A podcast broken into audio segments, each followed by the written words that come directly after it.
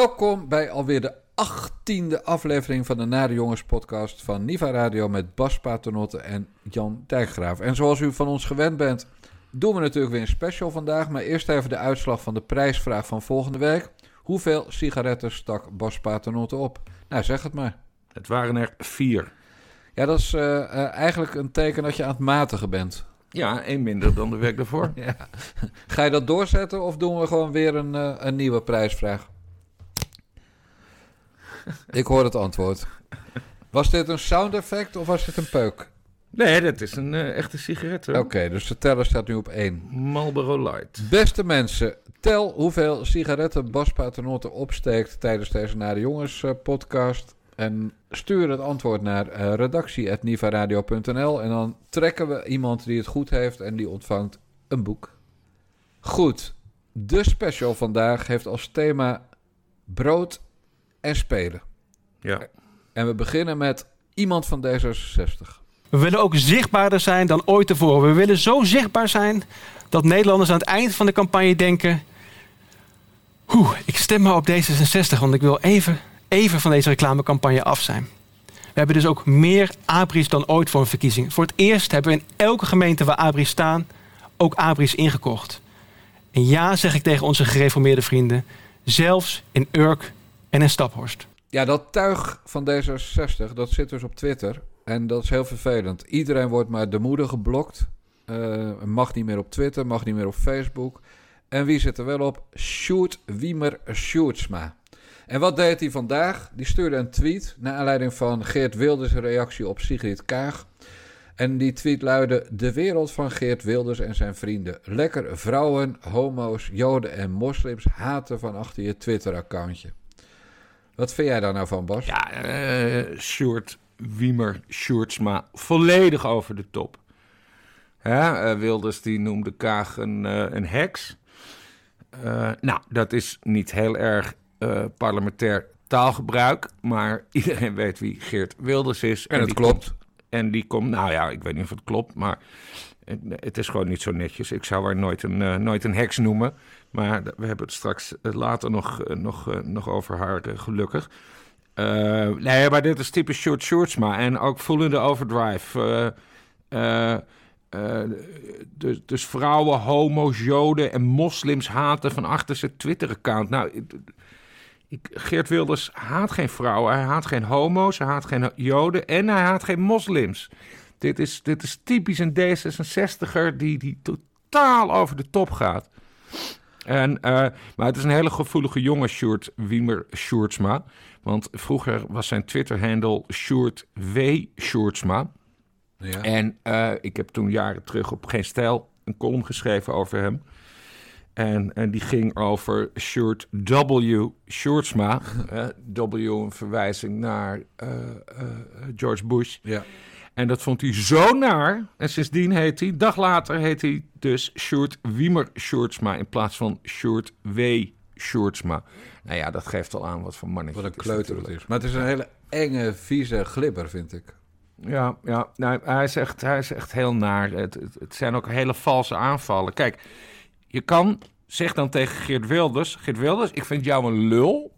dat je mijn politiek leider een heks noemt. Ja. Maar wat doet Sjoerd Sjoerdsma? Die maakt er een vrouwen, homo, joden en moslimshater van.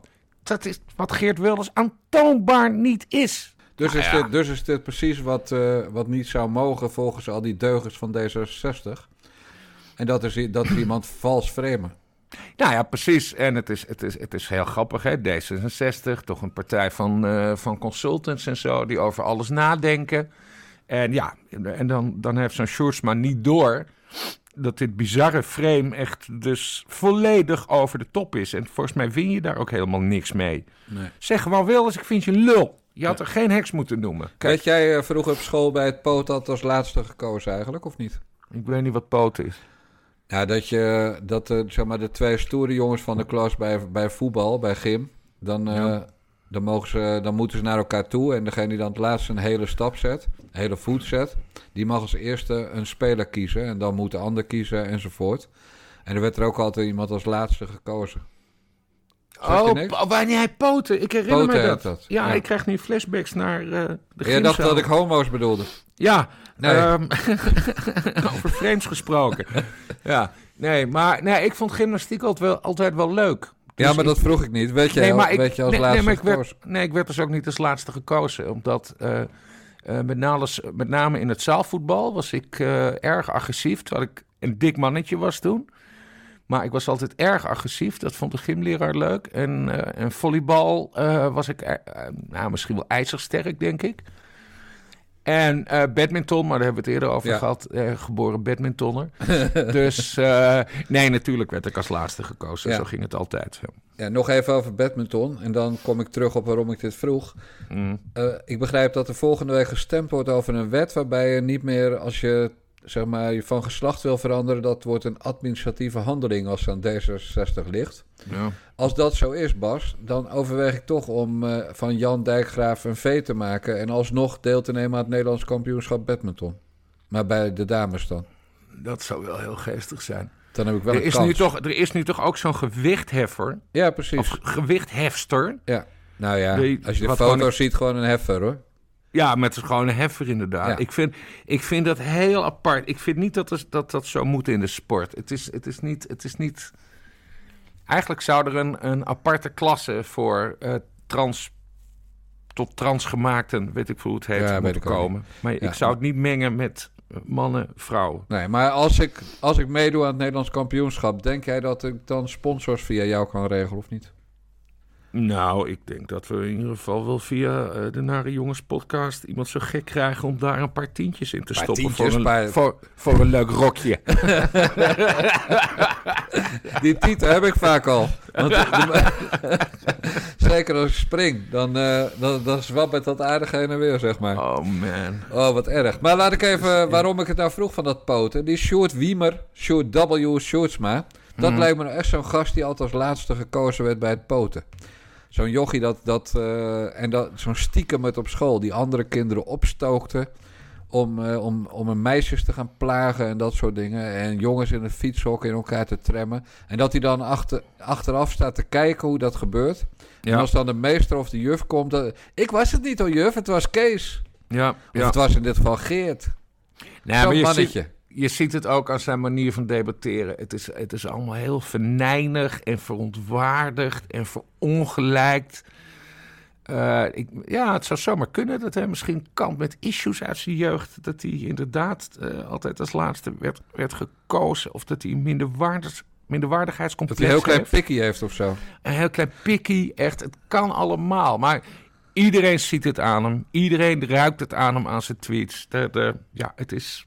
Het is eigenlijk de Stewart van D66. Het lijkt mij geen prettige man in de omgang. Nee, Heeft hij een vrouw? Geen idee. Een man. Weet ik ook niet. Doet hij het met jonge jongens? Want dat schijnt in die partij ook een soort van hot te zijn. Eh, die kans acht ik klein, want anders hadden we dat nu wel geweten na het Sidney Smeets eh, incident. Je weet eigenlijk niks van hem. Privé. Nee. Maar moet dat dan? Nou ja, eigenlijk wel. Ja, Eh, Nou ja, eh, eh, zo prominent is hij ook niet. Ik bedoel, hij is de buitenlandwoordvoerder. ja maar hij, D66. hij is zich wel heel erg aan het profileren als, als, als zuiger. Ja, maar dat doet hij al jaren. Dat is het hele ding. Dus dat, dat, dat is totaal geen nieuws voor mij. Het is gewoon een hele nare, nare twitteraar op zijn minst. Ja, het is een beetje de Alexander Pechtold nadoen, maar dan niet in de eredivisie, maar in de, in de keukenkampioen. Hij is de, de poormens Alexander Pechtold. Want je kan veel van Alexander Pechtold zeggen. Maar hij was wel een koning in het schmieren. Ja. En, eh, en in het twitteren en in gemene dingen zeggen. En dit is, eh, ja, nee, dit, die kwaliteit heeft uh, Shirt W. Shirtsman niet. Nee. Hey, eh, politici die, die zijn niet alleen actief op social media, maar ook in de ouderwetse media. En ik las een tweet van eh, onze goede vriendin Ebru Umar. Umar Abri eigenlijk. Ja. Eh, die zei van eigenlijk moeten politici geen toegang meer hebben tot kolommen van kranten om opinieartikelen te schrijven. Of ze moeten ervoor betalen en, of- en er moet advertorial boven staan. Vond ik wel een, eh, een goede gedachte van Ebru. Nou, even een slokje hoor. Want ik, heb, ik, ik ben nog steeds. Ik heb hooikoorts, jongen. Het is niet normaal. Terwijl het gewoon bijna onweert. Ja, maar het is allemaal snot in overal. Uh, nee, Ebru Umar, uh, politici in de krant. Kijk, toen wij de Post Online begonnen, of eigenlijk de Jaap in 2009... Ja. Uh, toen zette ik mij vooral in om heel veel opiniestukken van politici op die site te krijgen. Nou, dat, dat is ook heel lang, ging dat heel goed. En we konden er bijna niet tegenop publiceren. Zoveel kregen we binnen. Maar op een gegeven moment is dat veranderd. Want Facebook en heel veel politici, die zetten gewoon hun boodschap op Facebook. Uh, dan zo'n stuk van Kaag in de, in de Volkskrant. Ja, dat is, dat is heel geestig. En dat, dat geeft aanzien, denk ik. Hè. Dat vinden ze dan belangrijk, overstaan in NRC, overstaan in de Volkskrant. Maar het doet er eigenlijk allemaal niet meer zoveel toe. Een goede politicus, die creëert zijn eigen kanaal. Uh, en die zet het gewoon op, uh, op Facebook. Uh, dat zag je ook aan de vorige PvdA-leider Lodewijk Asscher. Die, die verscheen gewoon niet meer in de krant. Die, uh, die, die zette dingen op Facebook. Uh, hetzelfde geldt voor um, uh, Klaas Dijkhoff. Die, die is ook helemaal gebroken met die oude media. Van nou, ik zet mijn boodschap wel op Facebook. Nou ja, voor ons maakte dat op zich niet zoveel uit. Want ik zet dan gewoon zo'n Facebook-verhaal weer door op TPO. Dus je krijgt toch wel je, je bezoek. Maar daar hoeft, er hoeft voor mij geen disclaimer bij. Ik bedoel, sowieso, wie, wie leest er nog kranten? Dat is allemaal onzin. Goed punt. Goed punt. Kaag, de naam viel. Uh, Kaag had uh, dit weekend een heel mal filmpje, vond ik althans, met Rutte. Ja. We gaan even een stukje luisteren. Dat was een goed gesprek. dat was een goed gesprek. En we hebben er zin in. Ja, het was een goed gesprek en we hebben er zin ja. in. Hoe is het omschreven, zo'n zo'n zo'n ja, basis een, te leggen? Een, een opzet, een, opzet een document op hoofdlijnen. Precies, hoofdlijnen. Ja. We willen echt gewoon op een positieve, goede manier uh, ja, het land voor verder brengen. Absoluut. Met ideeën. Absoluut. Want wij gaan aan de slag, maar er zijn teams en mensen die met ons werken. Ja. Yes. Jij zit maandag dinsdag? Ik ga naar de anti-ISIS-coalitie maandag dinsdag. Oh, daar ben jij. Waar zit je dan? Ja, in Italië. In Italië. Ik ben morgen en overmorgen in Brussel. We gaan niet iedere keer hier... De informateur gaat ook niet meer nee, steeds allerlei jammer, tijdschema's hè? versturen. Wij zien elkaar pas weer in dit verband op woensdag. Maar er is er weer ja. heel veel gebeurd. Ja. Dames en heren, fijne ja, avond. Precies. Fijne avond. Het komt goed. Het komt goed. Ja, het is een beetje de dikke en de dunne. Het is Jut en Jul. Het is uh, Mini en Maxi. Hoe heet het andere cabaret duo yes. uit jouw tijd? Uit mijn tijd. snip en Snap. Snip en Snap. de Snip en Snap revue. Ja. Uh, Willy Walde en Piet Muiselaar. Ja, precies. Ja, dat werkt. Nee, maar kom op. Je gaat toch niet zeggen dat je het normaal vindt? Nee, maar het is, het is een toneelstukje. Het is tegelijkertijd ongemakkelijkheid bij hun, als wel bij de journalisten die daar in een halve cirkel omheen staan. Had dan gewoon helemaal niets gezegd. Of had even nagedacht over een verklaring van zo gaan we het de komende tijd aanpakken. Maar nee, dit is, dit is heel slecht, slecht cabaret. En, en, de kiezer vindt het ook niet leuk. En eigenlijk, eigenlijk toont het ook geen respect voor de, de kiezer. Ik bedoel, we zijn fucking honderd dagen na de verkiezingen. En er is nog niet eens uitzicht op een basis van een kabinet. En dan kom je met dit soort onzin. Ja, het is niet te doen, niet te doen. Wie verzint zoiets? Zijn dat nou ook mannetjesmakers? Vergaderen ja, dat... je dan met elkaar? Dat, dat, zou je moet, dat zou je moeten uitzoeken. Ze hebben het ongetwijfeld. Het, hey, je hoort uit alles dat ze een paar kernwoorden hebben, hebben bedacht. Dus er zit een zekere uh, regie achter. En, uh, maar het is very poorly executed. Het, is, het, ja, nee, het was een, een soft, een blamage. Maar hebben ze dat zelf ook zo ervaren, denk je? Ja, dat denk ik wel. Ja? Ja, maar iedereen van links tot rechts uh, vindt dit toch onzin? Ja, weet je, mij verbaast eigenlijk dat ze het lef, de gore moed hebben om dit te doen. Uh, na hier scheiden onze wegen, na de, het aftreden van het uh, kabinet, weliswaar zonder dat er een motie aan ten grondslag lag. Uh, de demissionaire status, dat is ongeveer het zachtste toiletpapier voor ze wat ze ooit gevonden hebben. Hmm. Want ze vegen daar hun reet mee af. Zeggen ze denderen gewoon op alle fronten door. Ja. En het ergste is, kijk, ik verwijt het ze niet eens, maar dat die imbecielen in de Tweede Kamer het allemaal goed vinden. Vooral de demissionaire status.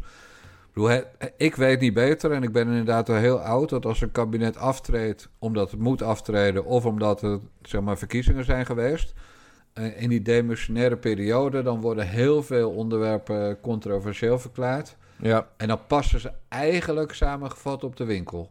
ja, En that's it. ja. En in noodgevallen, en neem bijvoorbeeld corona, dan mag je door op dat onderdeel. ja. Maar ze gaan gewoon op elk gebied gaan ze door. Nee, maar ze gaan op elk gebied door. En dat komt juist door die corona. Eh, hè, de democratische controle die is wat, wat ingewikkeld in een, in een periode van crisis. Ook al is de coronacrisis nu wel bijna voorbij. Ook al hangt het nog af van het Indiase virus, ook wel het Delta-virus genaamd. Maar eh, of, hoe dat verder gaat hier in, eh, in Nederland met besmettingen. Nee, ze maken gewoon heel goed. Ze maken heel erg goed gebruik van de ruimte die, het- die het parlement hun gunt. En wat vind je daar dan van? Ja, het is totaal kut, maar het zijn, het zijn ook hele rare tijden. Dus ik snap het op zich ook wel. Ik bedoel, we hebben de grootste crisis sinds de Tweede Wereldoorlog bijna achter de rug. Dat geeft, eh, dat geeft bewindspersonen ruimte. Verder is het natuurlijk allemaal verschrikkelijk dubbel. Eh, kabinet gevallen, eh, Rutte bijna weggestuurd persoonlijk.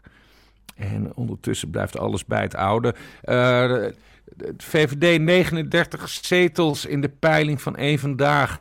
Terwijl we dit opnemen dinsdagmiddag. Ja. Eh, bijna 40 zetels voor de VVD. Ja, Ja. dat is toch onvoorstelbaar? Het land Dus- wil het. Het land wil het op een bepaalde manier. En maar dat komt allemaal door corona.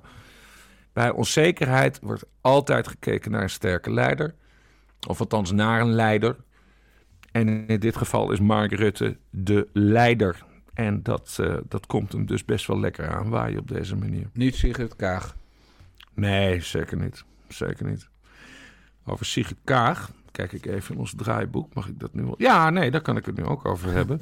Sigrid Kaag wordt nog wel interessant trouwens eh, in deze formatie. Eh, wel, eh, ze gaan dus half augustus gaan ze verder praten, de partijen. Ja. En, dan, en er komt een proef van een mogelijk regeerakkoord geschreven door Mark Rutte en Sigrid Kaag. Sigrid Kaag is nu ook demissionair minister van Buitenlandse Zaken. Wat er speelt, en daar worden nu al maandenlang Kamervragen over gesteld. Dat, dat gaat over die aanslag op dat Joodse meisje Rina Snerp Ja. in 2019. Eh, door Palestijnse eh, eh, terroristen, of, of je moet nou eigenlijk zeggen Palestijnse terreurverdachten. waarvan twee man, naar alle waarschijnlijkheid, zijn gefinancierd met Nederlands belastinggeld. Ja. En ook een, een, een identificatiedocument hebben gekregen van de Nederlandse vertegenwoordiging op de Westbank in Ramallah.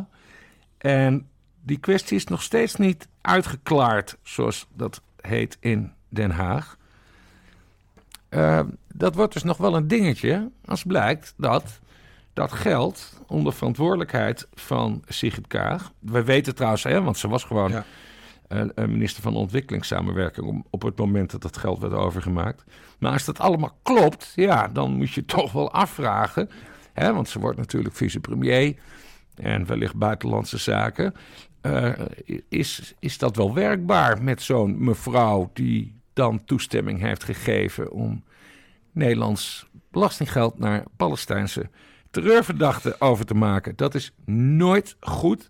En ik sluit niet uit dat dat dan ook wel enige spanning op de, eh, op de formatie gaat zetten wanneer het eh, losgaat. Ja, in mijn Nederland is het onvoorstelbaar dat die mevrouw daarmee wegkomt. Maar in het Nederland van Mark Rutte is dat, ja, komt ze daar gewoon mee weg? Waarom niet? Nou ja, kijk, daarom, ik wacht gewoon dat onderzoek af. Hè. Het, het heeft er alle schijn van dat er iets gruwelijk is misgegaan. En, en, eh, maar misschien, misschien komt ze nog met een heel goed excuus. Maar ja, het, het- alle signalen wijzen op iets eh, anders. En ja, dat is gewoon niet oké. Jonge Joodse meisjes. Vermoorden met Nederlands belastinggeld. Exact. Ja, exact. kort samengevat. Waarvoor mevrouw Kaag dus verantwoordelijk is. Ja. En nu even semantisch. Mag je Sigrid Kaag dus een moordenaar noemen?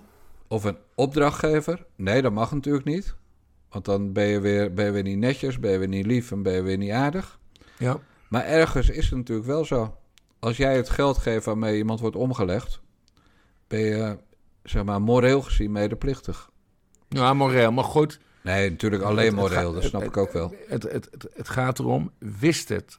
En, en, en dat wordt nu onderzocht. Ja. Hè, want ik heb, eh, ik heb er ook wel een stuk over geschreven en ik heb contacten in, eh, in, Israël. Eh, ik Joodse hoe- meisjes. Joodse meisjes sowieso. Nee, maar hè, het ministerie van Buitenlandse Zaken is echt daadwerkelijk op de hoogte gesteld van... Ja. het lijkt erop dat jullie belastinggeld naar Palestijnse terroristen sturen. En daar heeft zij niet snel genoeg op geacteerd, zoals je dat noemt. Eh, daar had ze wat sneller achteraan kunnen gaan. Dat is het beeld wat er nu is. Ja. Maar ze wist het dus wel, naar alle waarschijnlijkheid. En nou, daar Ze zijn nu het te allemaal, weten. er zijn nu allemaal onderzoeken bezig. En ze heeft ook nog een Kamerbrief toegezegd. En er worden, nou ja, iedere maand wel Kamervragen gesteld. Nee, dat spel dat is nog niet uitgespeeld hoor. Nee. En als er een debat over komt, gaat ze natuurlijk gewoon een potje ordinair schelden met Wilders samen. Nou, dat zie je. Dat is zo geestig. Of geestig. Ja, geestig. Eh, zodra ze aangevallen wordt, dan wordt het opeens een heel... Hè, normaal is het, oh, hele deftige dame. Een beetje, Ja. be- beetje praten zoals, zoals eh, prinses Beatrix. Maar dan wordt ze aangevallen...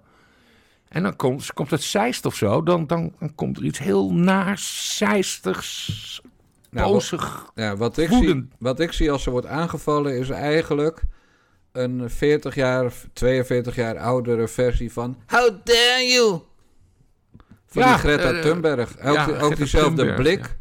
Ja. Eigenlijk is haar hoofd hetzelfde. Eigenlijk is gewoon Sigrid Kaag een, een, een 42 jaar oudere uitvoering van, eh, van Greta Ja, Thunberg. nee, maar je ziet het inderdaad in haar, dat viel me ook op. Je ziet het in haar gezicht. Dat als ze boos wordt, dan dat die hele kop verandert, joh. Ja, Dat is, Dan- eh, dan komt de ware aard boven. En je zou, het- je zou Een bijna een heks, noemen. Oh, Ja. wacht.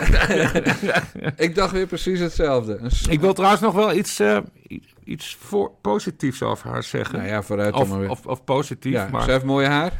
Nee, nee, eh, hè, want ze had, dus, ze had dus ruzie met Wilders, waar ze dus haar, eh, haar woede liet eh, zien. Eh, eh, Wilders had het natuurlijk ook over die Rina Schnaap toestand, zeer terecht. Fout die Wilders maakte, was dat hij er ook verantwoordelijk hield voor het terughalen van die ISIS-vrouw en die kinderen. Daar ben ik toen nog even ingedoken. Eh, dat was een besluit, wat trouwens heel erg is van de VVD. Dat was een besluit van toen nog minister van Buitenlandse Zaken Stef Blok. De Ja. VVD heeft het besluit genomen, samen met het CDA, eh, dat ISIS-tuig, eh, want het is tuig natuurlijk, terug te halen naar Nederland. Dus dat was niet eerlijk, helemaal eerlijk van Geert Wilders, want hij weet dat ook wel. Maar dat, dat lijkt een beetje waar we het net over hadden, over de Sjoerdsma. Als je iemand kan aanvallen in de politiek, hou het dan bij de feiten, want het is duizend keer sterker. Ja. En zoals die Sjoerd Sjoerdsma dus helemaal over de top ging, zo ging Geert Wilders, ik snap het wel, maar ook een heel klein beetje over de top, door haar verantwoordelijk te houden voor het terughalen. Want het was een besluit van Stef Blok en die is van de VVD. En daar had hij prima dus een dubbelslag kunnen slaan. Ja. Want dan had hij in dat debat en Kaag aangevallen eh, op, op Rina Snerp Israël. En had hij Rutte nog apart kunnen aanvallen eh, op het terughalen van die ISIS, IS- ISIS-types. Ja. Omdat zijn eigen minister, eh, omdat Stef Blok, zijn zijn eigen partij. partijgenoot, Ja. daar verantwoordelijk voor was. Maar ja, goed, ik sta ook alleen maar aan de zijlijn en Geert zit dan in het debat. En dan kan ik hem, ja, moet ik dan appen? Wat moet ik dan, Jan? Nee, je moet het spel ook een beetje... Nee, je moet het lekker laten gaan, want je bent PR-man niet. Nee, Nee, ik zou hem natuurlijk niet appen, dat is een grapje. Ja, dat snap ik ook Maar het viel, mij, het viel mij gewoon op dat hij dat, hij dat liet liggen. Ja, maar aan de andere kant, weet je, eh, het besluit om, die, eh, om dat grietje en die kinderen terug te halen... en straks eh, nog veel meer van die, eh, van die jihad-hoedjes... dat besluit is natuurlijk een kabinetsbesluit, hè. En het kabinet spreekt met één mond. Dus Kaag is er wel degelijk mede verantwoordelijk voor. Ja, nee, eh, dat weet ik. Dat weet ik. Maar je hebt het- formeel gelijk dat Wilders eh, het zieker had kunnen doen... en dat- ja, dat gewoon ook aan het framen was. Het gaat om de argumentatie. En, en als je iemand gewoon schoon te pakken kan nemen, dat is perfect. Waarom zou je het dan nog dikker aanzetten als, als Ja. iedereen ziet dat je gelijk hebt? Nee, dat nou, dat was jammer. Maar goed. Over, over Wilders zei je trouwens net, hij, hij is geen vrouwen, homo, joden en moslimhater. Maar dat laatste, daarover verschillende meningen wel. Hè? Ik bedoel, niemand kan hard maken dat hij een vrouwen, homo of jodenhater is. Dat is gewoon aantoonbaar onjuist. Maar er zijn natuurlijk wel enkele mensen, eh 6000 minimaal, die vinden dat hij wel degelijk een moslimhater is. Dat zijn die lui die aangifte deden Ja, wegens precies. minder minder. Ja, Ja. ja, Ja, toch? Ja, ja, ja. Ja, ik weet niet. Ik zie Geert Wilders toch altijd als een soort soldier of love. Hij heeft een, eh, nee, maar serieus. Serieus. Nee, maar ik heb hem vaak geïnterviewd. Ik, eh, het is een hele aardige vent. Hij heeft niet a priori iets tegen moslims. En dat zegt hij ook altijd. Hij heeft a priori iets tegen de islam. Oké. En daarin slaat hij wel eens door, denk ik. Want een, een, een- hoe heet dat, zo'n moskeeverbod, dat hoeft voor mij ook niet. Eh, maar hij haat geen moslims, dat is onzin. Nee, echt sol- soldier of love. Het, Ja. het liefst ziet hij gewoon, gewoon vrede en veiligheid voor iedereen in de hele wereld. Daar ben ik, van ik haat trouwens Mohammed Bouyeri. Dus in zekere zin ben ik dan al een moslimhater. Het is maar een kwestie van hoe je het... eh, ja, de, moorden, de moordenaar van onze oude kennis, Theo van Theo Gogh. van Gogh. Bijvoorbeeld. En ik haat elke moslim met een bomgordel en met een mes. Zoals die, die gast in Duitsland die dan weer eh, eh, een- drie vrouwen vermoord met een mes. En, en diverse, meer dan tien mensen verwond in Woensburg. Eh, Ja. Waarover je dan Sigrid Kaag niet hoort. Terwijl als er wat mensen van Artsen zonder Grenzen worden vermoord... dan komt er meteen weer zo'n larmoyante tweet uit Ja. dat D66-nest. Ik word er zo moe van, Bos. Ja, Waarom nou niet gewoon elke moord veroordelen? Of de dader nou een moslim was of niet en propagandamateriaal van IS thuis had liggen of niet. Waarom, en waarom doen media daar niet wat duidelijker over in plaats van motieven onbekend? Ja, dat was de NOS, hè? Met Iedereen, die- Telegraaf ook in het begin. Ja, nee, maar met, met die aanslag in, eh in Würzburg. Ja. Eh, toen zeiden ze eerst Somaliër eh steekt mensen neer op straat in, in Würzburg. En Oh, dan ja. hebben ze het veranderd naar, eh, nou wat was het? Man, Man. ja. Tot, tot, men, tot mensgemaakte. ste- ste- ja, best ook wel brutaal om iemand die kort haar heeft en, en kort zwart haar heeft, om daar meteen een man van te maken. Hebben ze in zijn broekje gekeken? Nee, dat hebben ze natuurlijk helemaal niet. Dus ook ja, dat... het, is- het is bovendien heel gendernormatief inderdaad. misschien mis- misschien mens- ziet hij zichzelf wel als, als vrouw. ja, precies. ja. Ja. Is- Of, of iets daartussen. Of, iets is die ertussenin. interseksueel. ja. Of een queer. Of een, of een trans. Ja. Whatever. Jij, jij kent al die termen goed, Dijkgraaf. Nou, niet allemaal. Hoor, want eh, in het begin wel. Toen, in het begin had je natuurlijk gewoon eh, L en B. Lesbian, of L en G. Lesbian en gay. Eh, Ja. ja. en daarna is, eh, is er alfabetvervuiling gekomen. Ze hebben, ze hebben die hele vlag, die homo-vlag, hè, eh, hebben ze ook helemaal aangepast. Dat zijn Ja. nu allemaal andere. Ik snap er helemaal geen hol meer van. Wat Nee, het allemaal, Geen hol is ook weer een beetje seksistisch, vind ik trouwens. Ja, ja dat Ja. is waar. Dat is Dus waar. dat, dat moet je niet doen. Vind ik eigenlijk. hey, een fragmentje. Hoepla.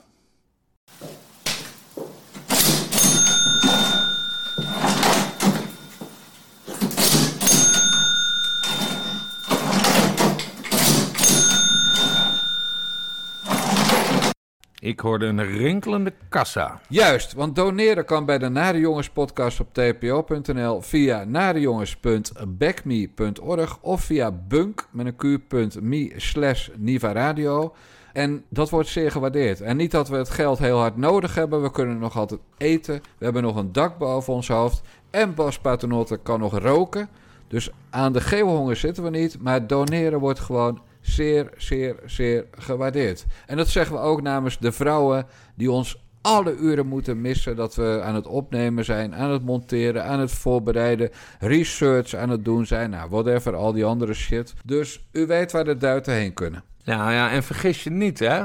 Ehm, ik, de, de coronacrisis heeft bij mij in 2020 er redelijk ingehakt. Echt waar?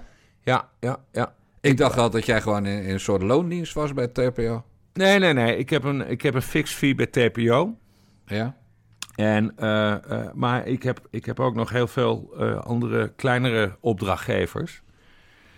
En die zijn op één of twee na. Ik ga, geen, ik ga geen namen noemen, maar op één of twee na. Ja, die zijn allemaal gestopt. Er is eentje failliet gegaan.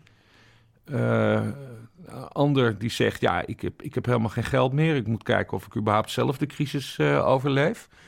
Dus nee, voor een freelance, eh, freelancende stukjeschrijver zoals ik, is het, is het er wel ingehakt hoor. Was Vergis je niet. 2020 geen pretje? Nee. Hey, in jouw bio staat nog altijd dat je voor de straatkrant werkt. Maar dat is toch al lang niet meer zo? nee, straatnieuws.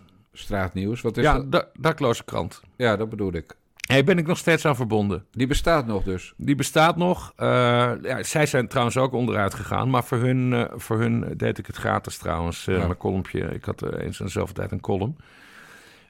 nee, maar die, die zijn gestopt met de papieren krant. En die hebben een digitale doorstart gemaakt met dakloze verkopers. die dan met een soort badge lopen. En die moet je dan inscannen. Hoe heet zo'n ding? Een, een QR-code. Een QR-code, ja. QR. Een QR-code. QR, kom op.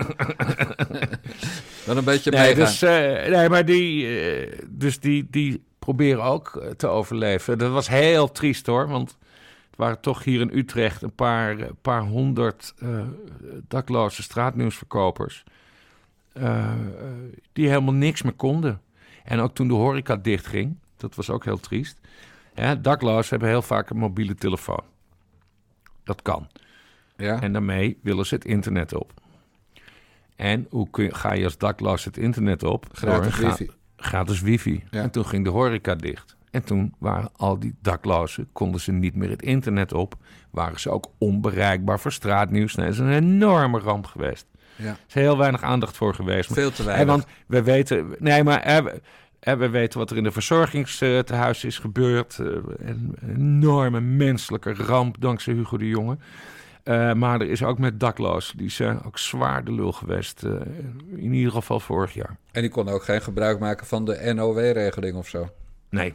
Er is niks. nee. die konden gewoon doodvallen. Ja maar, komt het, ja, maar daar komt het wel op neer. Daar komt het wel op neer. Ja. En daarom is het heel mooi dat Straatnieuws heeft... is heel hard aan de slag gegaan... om een soort, soort digitale oplossing daarvoor te vinden. Ja. Nou goed, en zo kan je dus ook doneren voor uh, de Naar de Jongens podcast. Precies, want we hebben ook geld nodig. oh man. Uh, ik ga straks trouwens uh, in Eester gaan op zoek naar een kroeg. Kijken of ik een wifi-signaal kan opvangen. Dan, dan doet mijn mobiele telefoon het weer. Zijn er kroegen in... in nee, alleen een begraafplaats. Geen grap. Nee, maar hebben toch wel een jachthaven, of niet? Nee, dat is Vollega. Ah, Vollega. We hebben hier drie dorpjes achter elkaar. Eesterga, Vollega en Doniaga. En die uh, uh, jachthaven ligt in Vollega. En het gezamenlijke dorpshuis, waarvan me, mevrouw Dijkgraaf de penningmeester is... dat ligt uh, ook in Vollega, dorpshuis Irene. Ja. ja, en verder hebben we iets van 40 verenigingen hier. En, waar, waar, waaronder dus de begrafenis... of de, de Nee, uh, Vollega heeft zijn eigen begraafplaats trouwens. Oké, maar mevrouw Dijkgraaf zet, zet, zich dus in voor het dorpshuis. Uh, wat is jouw betrokkenheid bij de vele verenigingen in de, in jou, in de regio Estergen? Nou, niet eigenlijk, maar als er actie gevoerd moet worden... zoals een keer voor een, uh, een, het voorkomen dat kinderen werden doodgereden... door snelrijdend verkeer en er moest een rode fietsstrook komen...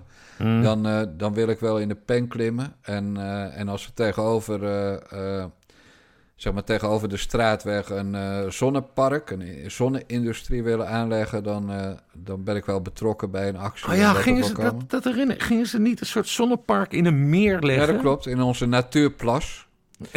ja.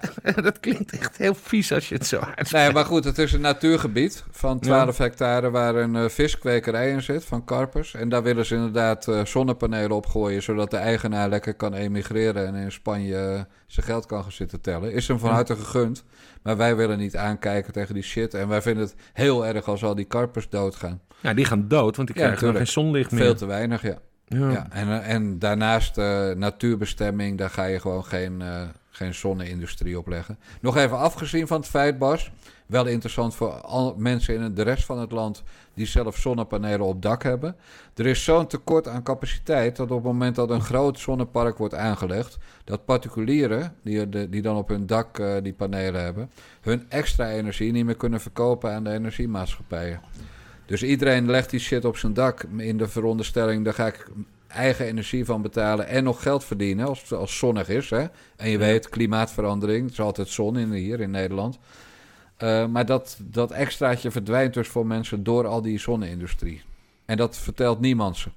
Oh, jezus. En heb jij, heb jij, heb jij op, je, op, je, op je landelijke hoeven, de, de, de dijkgraafboerderij, heb jij daar zonnepanelen? Wij zijn de enige in Eestega die dat niet hebben. Word je daarop aangekeken door nee, Nee, want Kijk, daar ben ik ook. Ik ben natuurlijk, zoals je weet, estheticus. Ik, ja. Nou, wij hebben rode glimmende dakpannen. Daar ga ik dus echt geen zwarte zonnepanelen opleggen. Nee, het was heel Dus- lelijk, hè? Heel lelijk. En Als en je een zwart dak... brand vliegen, dat ja, vind ik ook heel naar. Dat, dat, is, dat is verzekeringswerk dan. Maar gewoon, je gaat gewoon niet op zo'n zo'n eh, Hans en Grietje huis met rode dakpannen van die zwarte shit leggen. Eh, dus in die zin ben ik een dief van mijn portemonnee. En ik hoorde gisteren wat wij aan stroom betalen in dit huis. Ja, daar word je niet vrolijk van. Nee, maar je hebt ook land. Je zou een heel klein Nee, nee, nee. veldje kunnen aanleggen, Nee, of niet? Nee, ja, dat kan wel, maar nee, dat ga je toch niet doen. Daar lopen de alpaca's. Ja, dat is waar. Nee, maar ik weet ook niet hoe groot het rendement is. Kijk, ik woon in een, eh, in een huis van 400 jaar oud. Wat niet van mij is. Maar mijn huisbaas, daar heb, ik het wel eens over gehad van... eh, moeten de zonnepanelen op? Maar het is een monument, dus dat, dat mag niet. En Nee. het, het gaat ook heel veel kosten. En dan ben Ik weet het niet meer uit het hoofd, maar ik overdrijf niet. Het rendement zou dan na 30 jaar loskomen, Ja, geloof ik. belachelijk. Dan En dan willen ze ons ook van het gas af hebben, wat heel grappig is. Want dit huis loopt op gas namelijk. Nu wij, hè, naar de jongens, over groene stroom aan het praten zijn... denk ik, zullen we maar overgaan naar een andere loser? Ja. Tijd voor voetbal. Juist. Het is ook niet eh eh Dabra hoor. Eh, heel veel jongens spelen dit ook. Ik hoor een brommer. Ja, dat is heel... eh, Zo gaat het hier. Dat hebben wij helemaal niet, brommers. We hebben trekkers. Ja, precies. Of in jouw taal, tractoren. Nee, nee. Ik kom uit Friesland. Trekkers. Wij noemen het een trekker. Geen tractor. Tractor is voor westerse mensen. Ja. Frank de Boer, de loser van het EK 2020. En ondanks jouw voorspelling dat Nederland makkelijk de kwartfinale zou halen, ging hij op zijn plaats tegen de Tsjechen. Nou, zeg het maar. Nou, ehm Denzel Dumfries, mijn grote held, die maakte praktisch in de eerste minuut al een doelpunt.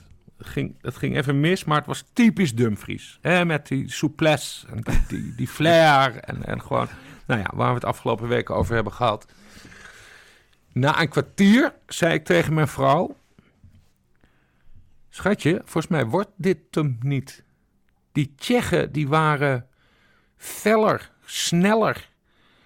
Eh, de, Nederland liep met, en die term die heb ik uiteraard eh, van de tv, met pap in de benen. Het was vrij snel al duidelijk dat we dit niet gingen winnen. Wat denk jij?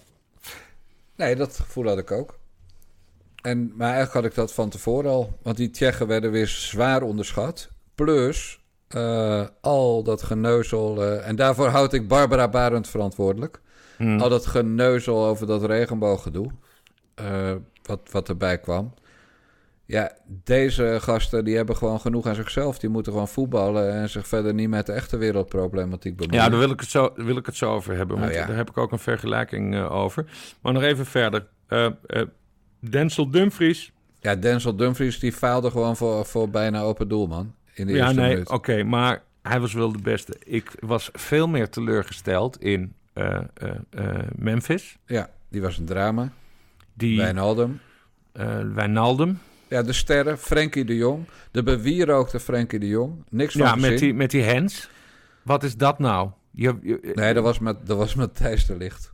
Ja, Matthijs de Licht, Frenkie de Jong, dat maakt me allemaal niet uit. Ook blond. allemaal, Ook, ja, echt, ook blond, ook daarom. Ex, ja, ook ja, Ajax. Ja, Ja, ja. ja. Ja, maar ik zie, hè, want ik analyseer dus al die wedstrijden. In een mogelijke handsituatie zie je heel vaak dat een voetballer zijn handen achter zijn rug doet. Ja.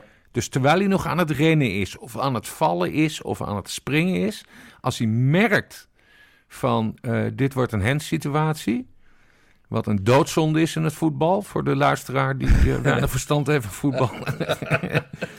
nee, maar dan hou je dus die handen achter je rug en dan weet je dat je goed zit. Maar, maar die jongen, wiens naam ik nu alweer vergeten ben, Matthijs de Licht. Matthijs de Licht. Ja, dit, is, dit was geen ongelukje. Je ziet hem gewoon grijpen naar die bal. Wat denk je nou?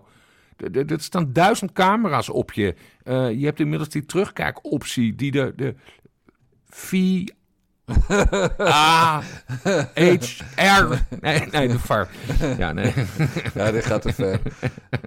hey, maar even corrigeren toch maar weer, hè. Voor, voor eh, eh, dat handen achter de rug, dat doen ze bij vrije trap als ze in de muur staan. Dat doen ze bij Ja. corners. Verder doen ze dat niet, hoor. Matthijs de Licht, die, die struikelde. Daarna Ja. kreeg hij een licht duwtje. En als hij op dat moment zijn handen achter zijn rug had gehouden... dan was hij keihard op zijn gezicht gegaan. uh, Was hij een tand kwijt geweest of, eh, Ja. of erger. Ja, Dus, nou, eh, maar dus- goed, dan, dan hadden we nog Maar wel we- met elf man in het Nee, eh, veld gestaan. Maar waar je gelijk in hebt, is dat hij inderdaad heel bewust hands maakte. Hij realiseerde zich in een split second... als ik eh, die bal niet pak, dan gaat hij alleen op de keeper af. Hij wist dat die Ja. keeper de hoogbejaarde Maarten Stekelenburg was... die al het heel toernooi matigjes was. Dus hij dacht, nou, ik, ik maak mijn hands en dan denk ik dat ik ermee wegkom. En dat was vrij dom, gezien de VAR. Ja. Eh, maar bovendien had er gewoon op kunnen vallen met zijn hand. Maar hij maakte echt een schepbeweging. Dus, Ja. eh, dus er kon ook niks anders dan een rode kaart worden gegeven.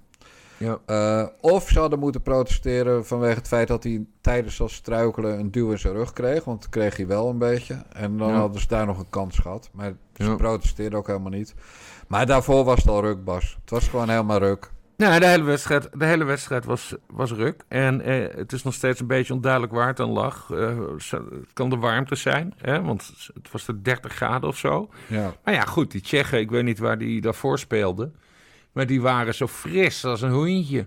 Eh, maar goed, jij, jij zegt, het kan ook te maken hebben met die regenboogvlag eh, dingetjes toestand.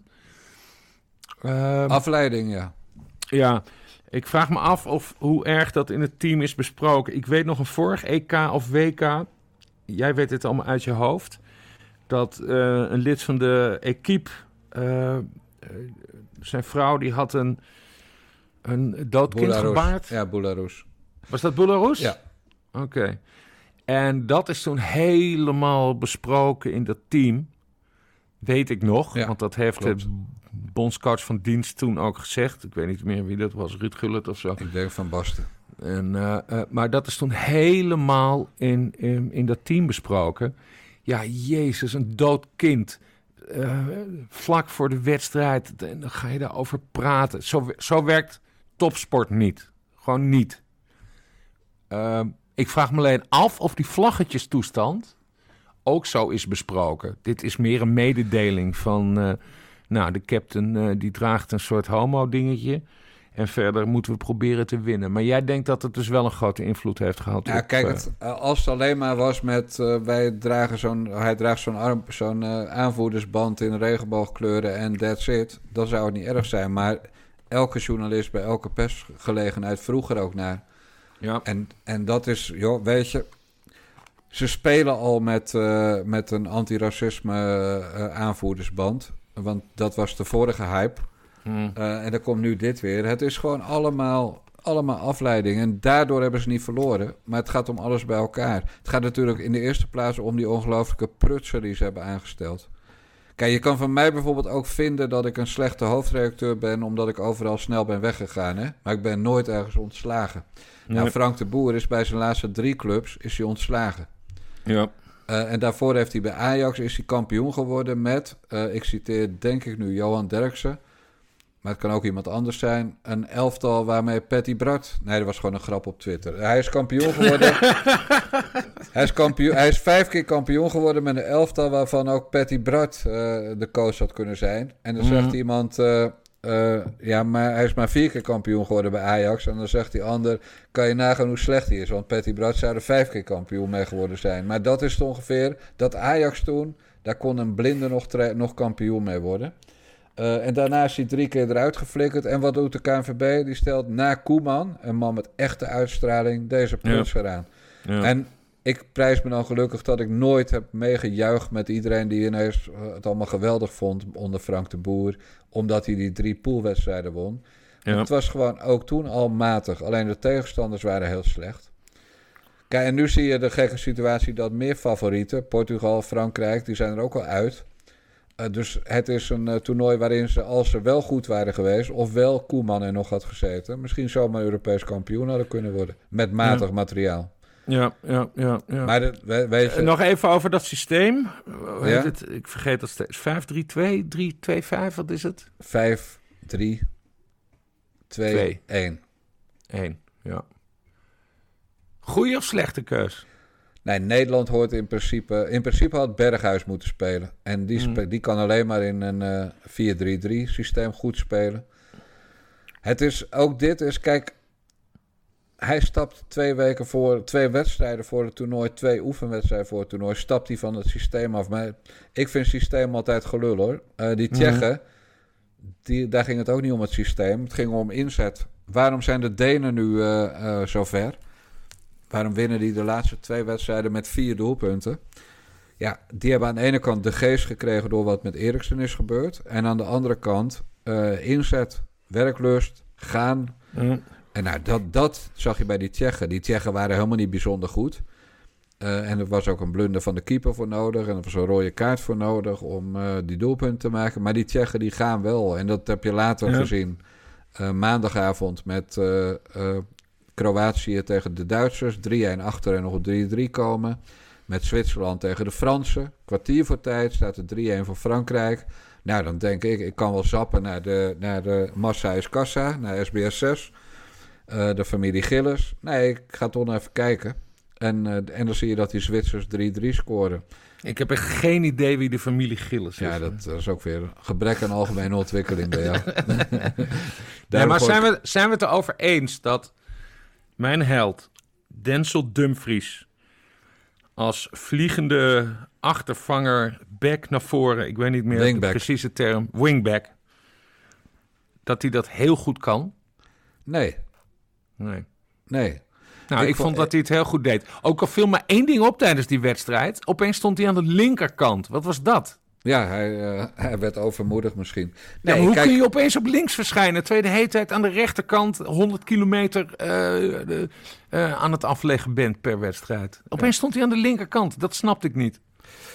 Nee, dat, uh, dat hoort ook niet. Nee, Bas, maar nog even terugkomend op de Denzel Dumfries. Die krijgt nu overal een 8 en die gaat een dikke transfer naar een grote club uh, maken. En dat verdient hij. En dat gun ik hem van harte. Ja. Maar als hij de beste voetballer van het Nederlands elftal is... Uh, hij, wat hij gewoon echt goed deed, was opkomen. En dat kwam omdat hij geen directe tegenstander had. Dus hij hoefde verdedigend niet zoveel te doen. Nou, hij kan hard lopen. En ja. verder was zijn afwerking, zie de eerste minuut uh, in de wedstrijd uh, uh, tegen de Tsjechen. Zijn afwerking was tamelijk ruk. Ja. zijn voorzetten waren er amper. En op die plek had dus ook Berghuis kunnen staan. En zoals jij weet, heeft bijvoorbeeld Dirk Kuyt wel eens op die plek gespeeld. Ja, de bekende PSV'er. die, ja, maar Kuit heeft op een WK wel eens op die plek gespeeld. Ja. En Kuit was een echte aanvallende speler. Nou, ja. die kon zelf scoren, die kon een voorzet geven. Uh, dat kan Berghuis. Dit was, Dumfries was helemaal niet goed. Het was in het land der blinden is één oog koning. Okay, mijn, okay. Naar mijn idee. En, en de echte verdetten hebben gefaald. En de waterdragers hebben gewoon naar behoren gepresteerd. Of mm. zesjes. Zesjes, niet meer. Maar normaal bij een de Frenkie de Jong, hè, waar iedereen zo hoog van opgeeft, was gewoon drama. Wijnaldum, ja. geweldig in de pool. En in, op het moment dat het echt moet, laat hij het afweten. Nou, die Memphis hoeft het helemaal niet over te hebben. Dat is, dat is een weggooier. Vanochtend okay, we, een... moeten, we moeten kijken naar oorzaken. Was het de coach? Was het Frank ja, de Boer? Frank de Boer is... Uh, ja, Frank de Boer aanstellen was de blunder uh, die... Uh, waarvan je... De blunder wie je wist dat ging komen. Oké, okay, terug, terugkijken. Wie was een betere coach Peter geweest? Bos was beter geweest. Ik heb geen idee wie dat is. is. Oh, is dat die kale met... Die, heeft een soort deuk in zijn hoofd in het midden. Is ja. Ja. Denk het, ja, nou, je hebt twee kale. Je hebt, je hebt de blonde kale, dat is uh, Erik ten Hag. Die is nu trainer van Ajax. Ja. En je hebt de donkerharige kale, dat is Peter Bos. Die nee, dan denk ik Erik ten Hag. Die heeft echt een soort deuk ja, in zijn hoofd, ja. in het midden. Het ziet echt heel Ja, ik heb dat ook, hè. Dat, dat hebben veel kale mensen. Nee, maar alsof hij continu een koptelefoon op heeft gehad. En dat hij hem dan afzet en ja. dan een persconferentie gaat geven. Ja, dat zou kunnen. Ik let nooit op het hoofd van Erik ten Hag, eerlijk gezegd. Nee. Maar Peter Bos uh, was trainer in Duitsland. Is ook oud-trainer van Ajax. En uh, die wordt wel algemeen gezien als een potentiële bondscoach. Goeie. Ja. Erik ten Hag denk ik ook wel. Uh, maar in dit geval hadden ze natuurlijk gewoon terug moeten grijpen op Louis van Gaal... toen Koeman ontslag nam. Ja. En Koeman is natuurlijk een overloper. Want? Nou ja, als die was gebleven, was het heel anders gelopen. Met Koeman kunnen, kunnen die zogenaamde verdetten, die wannabe-verdetten, niet spotten.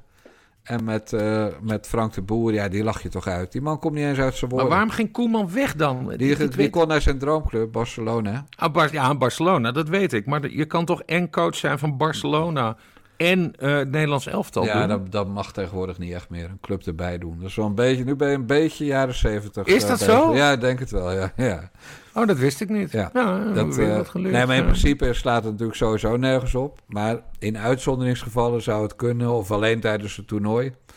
Maar in principe is dat, dat is jaren zeventig. Oké, en, en, en met wie gaan we naar het WK?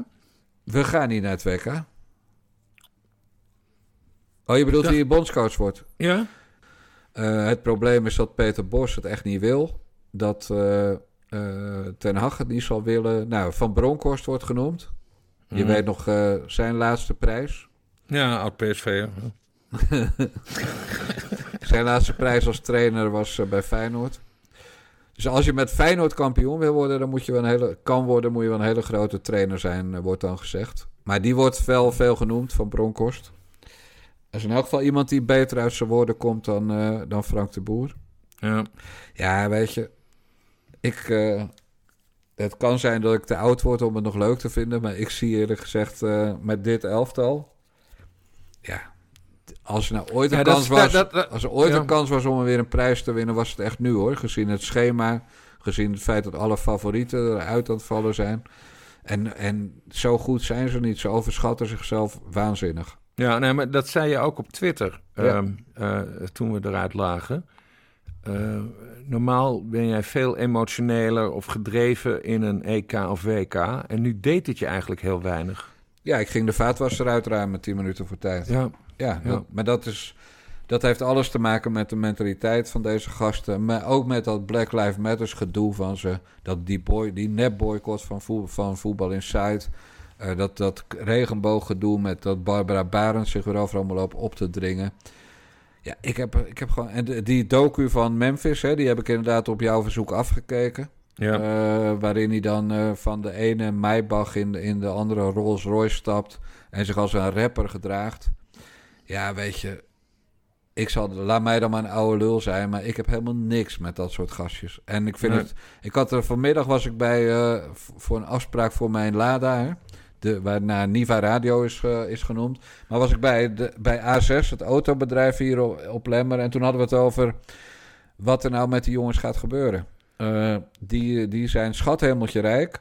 Maar als jij in, en in Dubai, en in Frankrijk, en in Rotterdam, en weet ik waar allemaal, een, een Rolls of een Maybach hebt staan. En van die kettingen van 3 kilo koopt. En je lichaam, nee, dat kost niet zoveel. Maar van die kettingen van 3 kilo goud koopt. Ja, dit soort gasten, die zijn gewoon rijp voor de criminaliteit. Terwijl als ze het goed doen, dan kunnen ze gewoon een geweldig leven hebben van al het geld dat ze overhouden. ja, en tegelijkertijd denk ik dan... eh, rijkdom maakt ook lui. Het zou eigenlijk een motivatie moeten zijn. Maar zo'n eh, zo'n Memphis, die is natuurlijk fucking multimiljonair. Ja, maar de, de vraag is wel of hij dat geld gaat houden. En, en dan denk ik dat dit soort jongens gewoon buitengewoon onverstandig is. Ja. En, en, maar die hele ra- rapcultuur, wie wil er nou een rapper lijken? Wie wil dat Ja. nou? We, gaan nog een rap special maken met jou in de hoofdrol. Ja, ja, maar je wil het toch niet echt? Dat, je, dat echt jouw droom is om vrouwen, te, om vrouwen minderwaardig te vinden, om mensen uit te schelden, om te vertellen hoe rijk je bent, om geld te verbranden, om je vriendin in elkaar te beuken, we- we- Ja. eh, om je kat uit de auto te gooien, wat Boef doet, eh, je geld in je vriendin in elkaar beuken, wat Leeuw Kleiner doet. En dan willen deze jongens niet eens op die Nederlandse neprappers lijken, maar op Amerikaanse rappers. Ja, Ik die heb schieten daarom- allemaal. Ja, qua topsport heb ik daar. eh, nee, ik weet niet of het respect is, maar ik denk dat de instelling anders is. Maar Max Verstappen, hè, die, eh, die won Oostenrijk eh, dit weekende, hij wel. Daar heb je nooit dit soort gezeik mee. Nee, dat klopt. Dat is een man die zich volledig richt op zijn, op zijn missie. Topsporter zijn en, en pols behalen en die kar als eerste over de, eh, over de lijn te krijgen. Ook al is het met zijn vader eh, wel iets anders, want die, die, die sloeg zijn vader weer. Die hebben ruzie gehad en weet ik veel. Eh, Jan, daarna gaan we over naar het volgende onderwerp. Maar ik moet één dingetje pakken, want ik heb namelijk de oplossing voor het Nederlands elftal. Nou, Eén moment, ik moet, ik moet even mijn aantekeningen erbij pakken. Want ik heb dus een enorm boekwerk bijgehouden tijdens het EK. Moet ik even bladeren. Ja. Het nieuwe systeem. 10-1. we hebben een keeper. En we hebben tien spitsen. En dan rennen we met z'n tienen naar voren. En dan overlopen we de tegenstander. En ik vermoed dat we dan gemiddeld wedstrijden kunnen afsluiten met 20-0. Wat denk jij? Ja. Ik heb het helemaal uitgetekend, hè? Je hebt gewoon tien mannetjes op een rijtje. En die rennen tegelijkertijd naar voren. En, en, dan, sch- en dan schop je gewoon die ballen net in. Zo Ja. ingewikkeld is het niet. Ik, ja, ik denk dat eh, de KNVB... eh, KNVB heeft, Ga echt door, een, maar ik moet nu al lachen. KNVB heeft echt een grote kans laten liggen, denk ik, eerder dit jaar. Ze hadden niet Frank de Boer moeten bellen, maar jou. Ja. Ja, en zeker omdat 2020 een matig jaar voor je was... Ja. had het ook financieel aantrekkelijk voor jou geweest... en was je misschien wel gemotiveerd... eh, Wat verdient een bondscoach? Nou, niet zoveel. Dat is ook wel een van de problemen. Ja, niet zoveel. Eh, ik bedoel, de gemiddelde stratenmaker is er jaloers op. Maar geen miljoenen salaris, omdat eh, dat een soort veredeld cao-loon is. Dus een Ja, paar. een ton, twee Nee, ton, ik denk, ton? ik denk twee, maar ik weet het niet zeker. Ja. Maar dat dit is natuurlijk voor mensen die gewend zijn miljoenen per jaar te verdienen. Zelfs Frank de Boer in zijn tijd had al 3 miljoen gulden nog, maar toch drie- 3,5 miljoen per jaar. Eh, los van alle sponsordingen. Bij Ajax Ja. dan. Dus eh, dan... Ja, maar goed, dan, die hebben al dat geld nog op een spaarrekeningetje. dus dan maakt het Maar ja, ik denk, denk jouw idee, ja. Het is wel... Laten we één ding zeggen. Het is in elk geval revolutionair. Nou ja, ik, ik, ik zeg geen nee tegen twee ton. Dus eh, Nee. de KNVB kan mij bellen. Maar ik, ik, Ik, zou... weet niet of ik, ik weet niet of ik naar elke wedstrijd ga. Hè? Want je weet, ik ben erg erg aan thuis zijn. En, En vliegen? Vliegen je wel of niet? Eh, eh, vliegen vind ik eng, maar Ja. ik heb er toch altijd lol van. Oh, dat wel. Dus je zou wel naar uitwedstrijden meegaan af en toe. Ja, één Ja. of twee. Maar hoe zou dan zo'n gesprek tussen jou en Memphis gaan? Eh, nou, Memphis. Rappen jullie met elkaar? Of... Mem- Memphis, het is heel simpel. We staan met tien man vooraan. En ik reken op jou en, en mijn vriend Denzel Dumfries. En eh, laat al die, al die blanke jongens maar even zitten. Wij gaan het gewoon met z'n drieën doen, eh, Denzel en Memphis. Wij gaan gewoon dat WK winnen. Nou, Zo'n soort motivatiespeech. Maar hoe zou je dat systeem aan hem uitleggen? Van die, die tien. Staan die tien al bij het andere doel of beginnen ze allemaal bij het eigen doel? Nee, je moet, op- je moet op die, die grote streep in het midden, toch? Daar begin je. Oh, daar begin je. Oké. Daar dus- begin dus je en dan- en dan trap je af. En dan trap je af. En dan gaan ze met z'n tienen En uit. met z'n tienen naar voren, ja. het kan wel hoor, het kan wel. Maar ja, goed. En als de tegenstander dan de bal op dat moment verovert, hè? En Ja. die schieten hem over die tien man heen. En Mm. er lopen drie man van de tegenstander richting jouw keeper. Ja. Dan is het eh, een tegendoelpunt. Nee, want dan rent Denzel Dumfries keihard terug.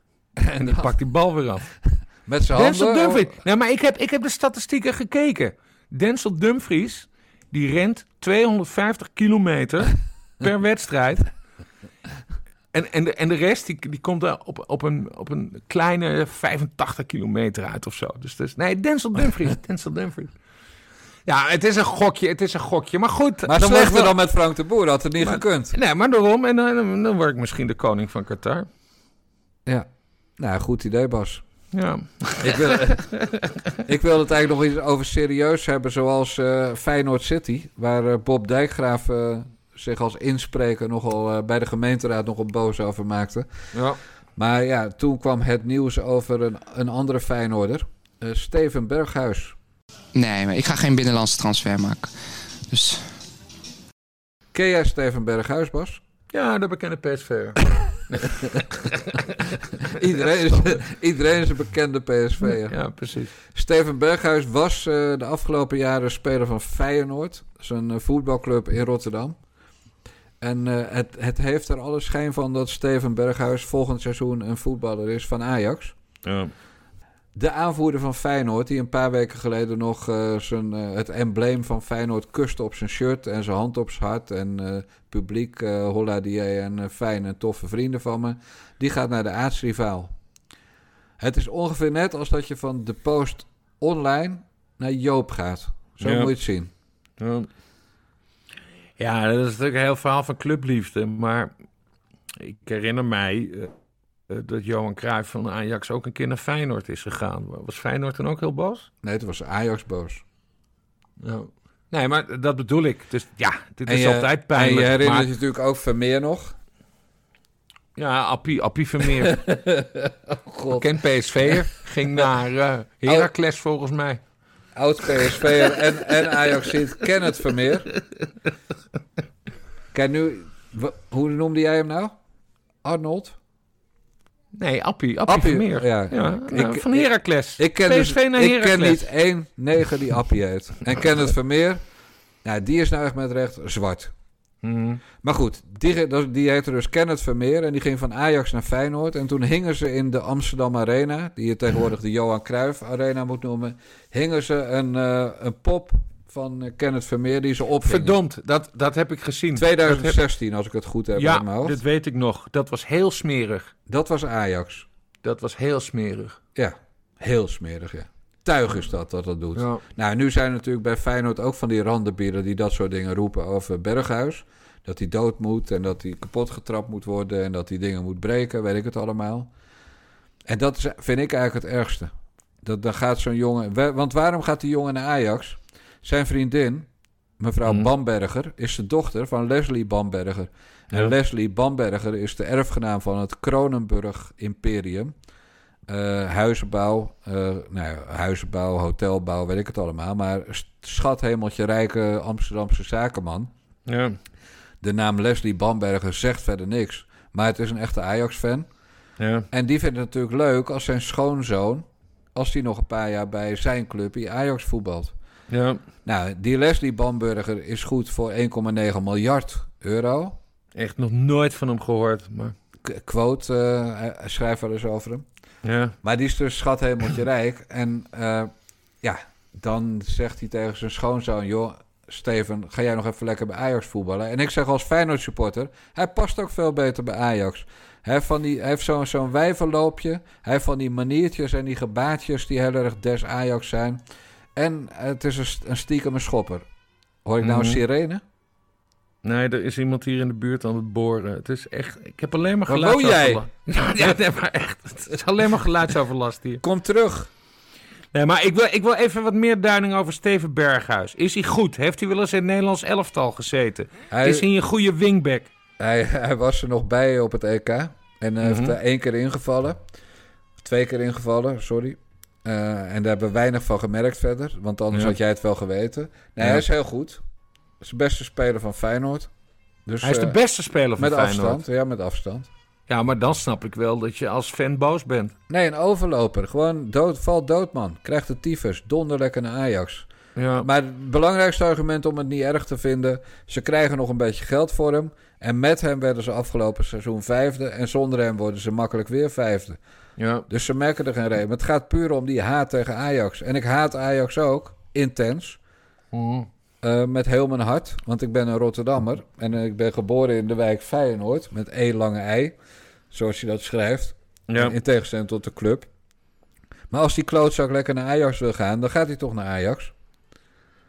Ja, maar maakt het niet uit. Je, Nee, je, je, ik lig er niet wakker van. Je, kent mijn banden met Ajax, hè? Piet Paternotte. eh, Oh, eh, twee, twee wedstrijden op doel in de jaren, jaren 60. Eh, nee, Ajax is mijn, mijn, mijn clubje natuurlijk. Dat, ik, kijk, ik kijk elke wedstrijd daar in de meer.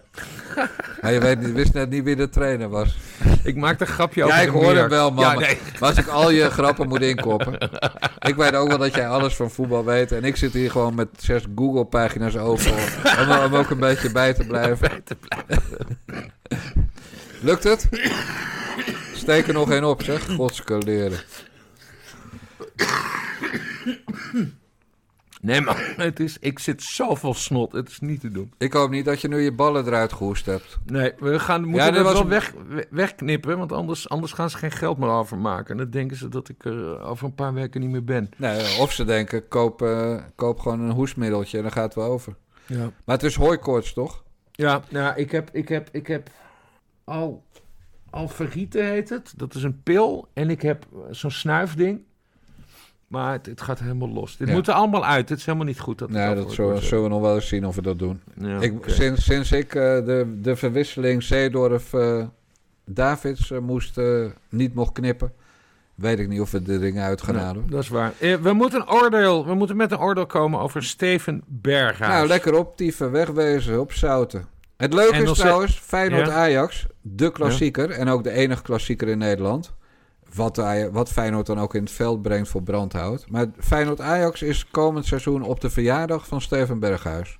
Oké. Dus ze kunnen hem als verjaardagscadeau over de boarding heen schoppen. En ze kunnen hem ook een, eh, een, een roze pop geven of zo. En eh, hoe, hoe, lang, hoe lang gaat dit duren, denk je? Dat ze boos zijn? Ja, dat, ze dat die Feyenoorders boos zijn. Nou ja, in elk geval die wedstrijd, eh Feyenoord-Ajax, gaan ze heel erg boos zijn nog. Oké. En dan, dan, dan schalt het iets met Joden weer over de, van de tribunes af. Want zo dom Ja. zijn ze. En dan zal er wel wat gegooid worden naar zijn hoofd. Nou ja, je kent al dat gedoe wel. Ja, ja. Maar verder, weet je, voetbalsupporters zijn wat dat betreft net kiezers. Ze vergeten wel. Nou, ze vergeten iets minder snel dan kiezers. Maar ze vergeten alles wel snel. Ja, als er gewoon een nieuw is die eh, het team eh, naar de overwinning eh, brengt. Hé, hey, maar zullen we het even over lekkere wijf hebben? Als afsluiter. want- Ja, laat Ja, het maar ik ben- Ook ik al ben- moet ik nu al lachen. Dat, oh, nog één ding. ja. Dat moet je even aan Bob doorgeven. Want misschien dat dat Feyenoord ook een beetje uit de poep kan trekken. Mijn 10-1 systeem. Misschien dat ze... Nee, Weet je? dat ga ik niet doen. Oké, lekkere wijven. Kom er maar Lekkere wijven. Als het goed is, komt vandaag eh, de zuster. Eh, niet alleen voor haar dagelijkse check-up, maar komt ze ook eh, de pakking aan de benedenkant openmaken. Dus dan krijg ik mijn eerste blik op mijn vagina. Ik ben heel benieuwd. En ehm, ik ben ook benieuwd wat ik dan in tweede en in derde instantie ervan zal vinden. Want nu ik ehm, een paar dagen zo tegen mijn nieuwe borsten aan heb gekeken, merk ik dat mijn eerste reactie, wow, ze zijn wel heel groot, dat die eigenlijk is gebleven. Dus of de dokter heeft er iets te grote implantaten ingezet, of ik heb het helemaal verkeerd ingeschat. Maar ik heb nu een eh, behoorlijk volle cup C. En dat wilde ik eigenlijk niet, want dat is eh, een beetje oversized voor mij. Ja, jij denkt natuurlijk, wat hoor ik nu? Maar dit is het bekende Kamerlid Lisa van Ginneke van D66... dat alleen maar op haar inbreng in het debat... en op haar kwaliteiten als Kamerlid wil worden beoordeeld. En wat hoorde je? Het is eigenlijk, wat de mensen nu hoorden, is eigenlijk een video waarin ze in een bed ligt in een ziekenhuis. eh, nadat ze is verbouwd van man naar vrouw. Het is dus wat je noemt een omgebouwde, waar ik helemaal niks kwaads mee bedoel. Ze had twee klachten. Ze vond haar borsten te groot. Die kunnen nooit te groot zijn. Come on. En het tweede punt eh, was, eh, dat was de tweede video. Dit is trouwens allemaal van de Telegraaf, gek genoeg. Ja, dat klopt. Eh, dat ze heel blij was dat ze een, een, hè, dus, dat ze een vagina had gekregen. De- hè, dus het was vroeger een man. Eh, de penis is dan verwijderd. En vervolgens eh, krijgt ze een vagina. En toen zei ze, ik ga hem niet aan jullie laten zien. En ik was fucking blij dat ze dat niet... dat je helemaal niet zo... Nee, maar Jan, weet je wat het is? Zeg. Lisa van Ginneke is dus sinds kort Tweede Kamerlid voor D66. Was vroeger een man, dat, eh, nu een vrouw. dat heet een trans. Geloof ik trouwens, trans. Maar eh, ik ben daar helemaal voor. Als jij wordt geboren in een, in een lichaam eh, van een gender eh, waar je niet thuis bij voelt. Nou, prima. Dan laat je je verbouwen. En, maar maak er niet een fucking campagnestunt van. Al die informatie, ik hoef dat allemaal niet te weten. Je kan toch gewoon zeggen: ik was vroeger een man, nu ben ik een vrouw. En ik wil dat jullie mij aanspreken met Lisa van Ginneken. En nu ga ik politiek bedrijven. Maar het enige wat we van haar horen is die, is die, die transitiefase. Die dus al honderd jaar geleden heeft plaatsgevonden. Ja, iets nuanceren nog. Vroeger Ja. was ik een man en nu ben ik een vrouw. Dat, Ja. dat, daar zou je ook van kunnen zeggen als je een beetje meegaat met de wokies. Ik was een vrouw in een jongenslichaam. Of ik was een meisje in een jongenslichaam. En dat is hersteld. De vraag is alleen waarom je bij de Telegraaf, toch echt de vijand van, eh, van D66, waarom je bij de Telegraaf je 5, 6, 7, 8, 9, 10 vlogslang laat uitwonen met allemaal details over een kut die er wordt aangelegd en een piemel die eraf gaat en tieten die te groot zijn en dat je dat in Thailand hebt laten doen en dat je er een maand in een ziekenhuis hebt gelegen, dan exploiteer je het gewoon. En daar heb ik grote moeite mee, Bas. Wat, wat, weten wij trouwens wat? Want ik heb, ik heb het helemaal niet gecheckt. het kost? Nee, wat, ze, wat, ze, wat, wat hij zei deed eh, in. Want de- opname is uit 2006, meen ik? 2016. Of eh, 2016, sorry. Wat ze deed, hoe bedoel je? Nee, nee, of hij toen al politicus was. Eh, Gemeenteraadslid of iets. coach volgens mij alleen. Coaching Coach in praktijk. wat? Ja, weet ik veel. ja, had ik weer wat? moeten googlen natuurlijk van tevoren. Nou, wacht even. Ik ga gewoon googlen. Eén Ja. seconde. Ja, ik, dan praat ik wel gewoon door. Maar wat jij door, maar, maar- ik wil het gewoon even weten. Maar dat je dus bij de Telegraaf als een soort eh, voorbeeld allemaal filmpjes maakt en het over je titel gaat hebben, weet je, dat boeit ons geen ene fuck. En jij zegt dat iets netter, van doe gewoon dit en dit en dit en klaar. Nou, en daarna, en ik, ik maak alleen maar een punt van, daarna wordt ze dus bij D66 niet neergezet als een geweldig potentieel nieuw Kamerlid, nee, maar als een gezicht van de transwereld. Dus het Mm. is weer een boegbeeld. Het is net als Sidney Smeets van een bepaalde wereld die ik even niet zal noemen, want anders krijg ik een proces aan mijn broek. Ook een boegbeeld was. Maar is het weer een boegbeeld. En Rob Jetten, die straks weer op vakantie gaat naar een of ander islamitisch land met een nepvriendin, omdat hij anders van een flat wordt geflikkerd, is ook een boegbeeld. En Sigrid Kaag is ook een boegbeeld. Het zijn alleen maar, eh, nou, over Sjoerd Wieger, Sjoerdsma hebben we het al gehad. Dat is een boegbeeld van de veelgepeste kutventjes Ja. die andere kinderen opstookten op school. Maar het zijn allemaal boegbeelden. Terwijl wat we zoeken zijn mensen die het volk vertegenwoordigen. Ja, ik, En heb als- even, ik heb nu even haar cv nu voor mij. Nou, wat deed ze in 2016? Eh, Ze heeft in ieder geval HAO gedaan. Oh. Ik ken iemand die ook heeft. Jan Dijkgraaf is begonnen op de HAO, wat echt heel grappig is, omdat hij daarna dus mega eh, journalist werd. Ik daarna- deed hij ook communicatie, Bas.